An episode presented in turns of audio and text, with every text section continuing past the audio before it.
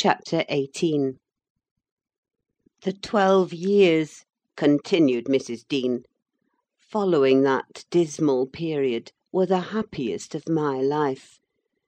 My greatest troubles in their passage rose from our little lady's trifling illnesses, which she had to experience in common with all children, rich and poor. For the rest, after the first six months, she grew like a larch, and could walk and talk, too, in her own way, before the heath blossomed a second time over Mrs. Linton's dust. She was the most winning thing that ever brought sunshine into a desolate house: a real beauty in face, with the Earnshaw's handsome dark eyes, but the Lintons' fair skin and small features, and yellow curling hair. Her spirit was high, though not rough, and qualified by a heart sensitive and lively to excess in its affections. That capacity for intense attachments reminded me of her mother; still she did not resemble her, for she could be soft and mild as a dove, and she had a gentle voice and pensive expression. Her anger was never furious, her love never fierce: it was deep and tender. However, it must be acknowledged she had faults to foil her gifts.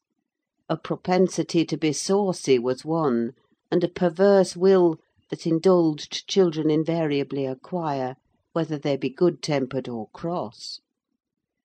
If a servant chanced to vex her, it was always, "I shall tell papa;" and if he reproved her, even by a look, you would have thought it a heart breaking business. I don't believe he ever did speak a harsh word to her. He took her education entirely on himself, and made it an amusement. Fortunately, curiosity and a quick intellect made her an apt scholar: she learned rapidly and eagerly, and did honour to his teaching. Till she reached the age of thirteen she had not once been beyond the range of the park by herself. Mr. Linton would take her with him a mile or so outside, on rare occasions, but he trusted her to no one else.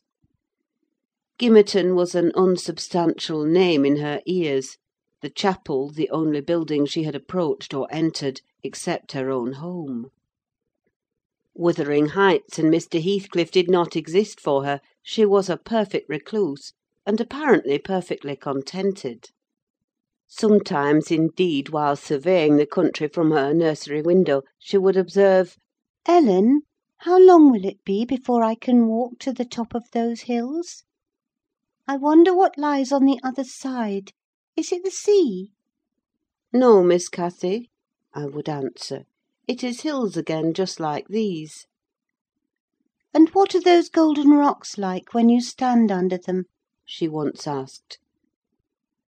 The abrupt descent of Penistone Crags particularly attracted her notice, especially when the setting sun shone on it and the topmost heights, and the whole extent of landscape besides lay in shadow.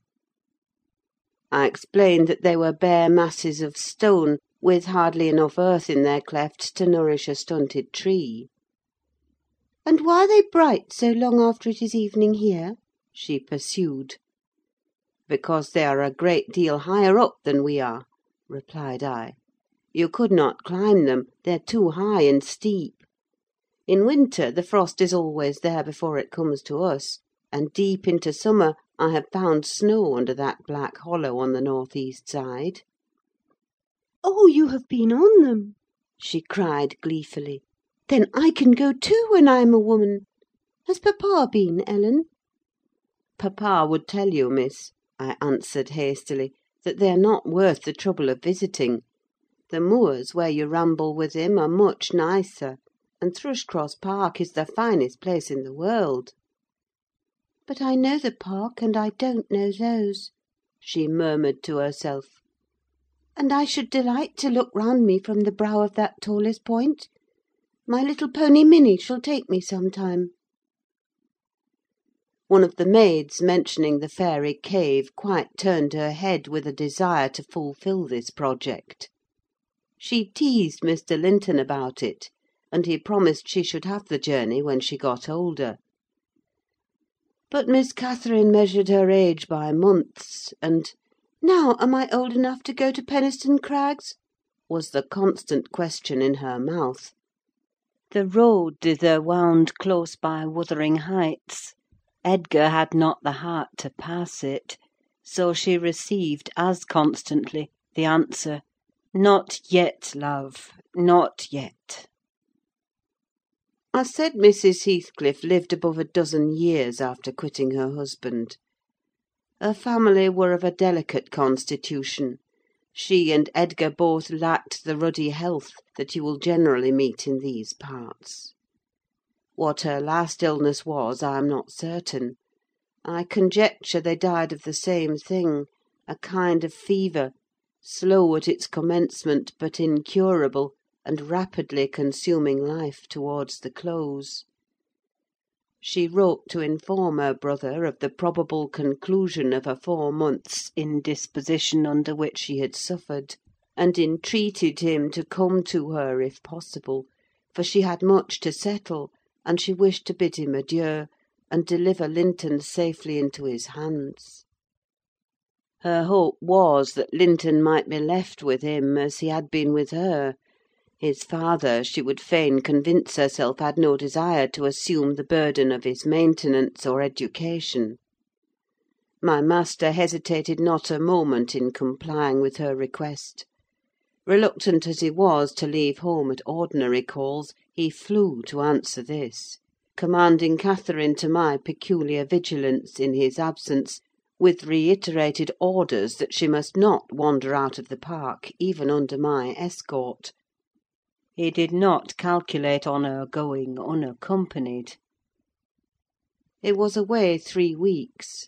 The first day or two my charge sat in a corner of the library, too sad for either reading or playing. In that quiet state she caused me little trouble; but it was succeeded by an interval of impatient, fretful weariness; and being too busy, and too old, then, to run up and down amusing her, I hit on a method by which she might entertain herself. I used to send her on her travels round the grounds, now on foot, and now on a pony, indulging her with a patient audience of all her real and imaginary adventures when she returned. The summer shone in full prime, and she took such a taste for this solitary rambling that she often contrived to remain out from breakfast till tea, and then the evenings were spent in recounting her fanciful tales. I did not fear her breaking bounds, because the gates were generally locked, and I thought she would scarcely venture forth alone if they had stood wide open. Unluckily, my confidence proved misplaced. Catherine came to me one morning at eight o'clock, and said she was that day an Arabian merchant, going to cross the desert with his caravan, and I must give her plenty of provision for herself and beasts: a horse and three camels, personated by a large hound and a couple of pointers. I got together good store of dainties, and slung them in a basket on one side of the saddle; and she sprang up as gay as a fairy, sheltered by her wide brimmed hat and gauze veil from the July sun and trotted off with a merry laugh, mocking my cautious counsel to avoid galloping, and come back early. The naughty thing never made her appearance at tea. One traveller, the hound, being an old dog and fond of its ease, returned; but neither Cathy, nor the pony, nor the two pointers were visible in any direction. I despatched emissaries down this path and that path, and at last went wandering in search of her myself. There was a labourer working at a fence round a plantation, on the borders of the grounds. I inquired of him if he had seen our young lady. "I "Saw her at morn," he replied. "She would have me to cut her a hazel switch, and then she leapt her galloway over the hedge yonder, where it is lowest, and galloped out of sight." You may guess how I felt at hearing this news. It struck me directly she must have started for Penistone Crags. "What will become of her?" I ejaculated, pushing through a gap which the man was repairing, and making straight to the high road. I walked as if for a wager, mile after mile, till a turn brought me in view of the Heights; but no Catherine could I detect, far or near.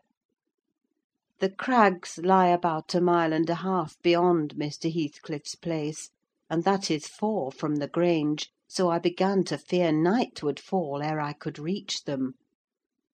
And what if she should have slipped in clambering among them, I reflected, and been killed, or broken some of her bones? My suspense was truly painful; and at first it gave me delightful relief to observe, in hurrying by the farmhouse, Charlie, the fiercest of the pointers, lying under a window, with swelled head and bleeding ear. I opened the wicket and ran to the door, knocking vehemently for admittance. A woman whom I knew, and who formerly lived at Gimmerton, answered: she had been servant there since the death of Mr. Earnshaw. "Ah!" Said she, "you're coming a seeking your little mistress! Don't be frightened: she's here safe; but I'm glad it isn't the master." "He's not at home, then, is he?" I panted, quite breathless with quick walking and alarm. "No, no," she replied. "Both he and Joseph are off, and I think they won't return this hour or more. Step in and rest you a bit.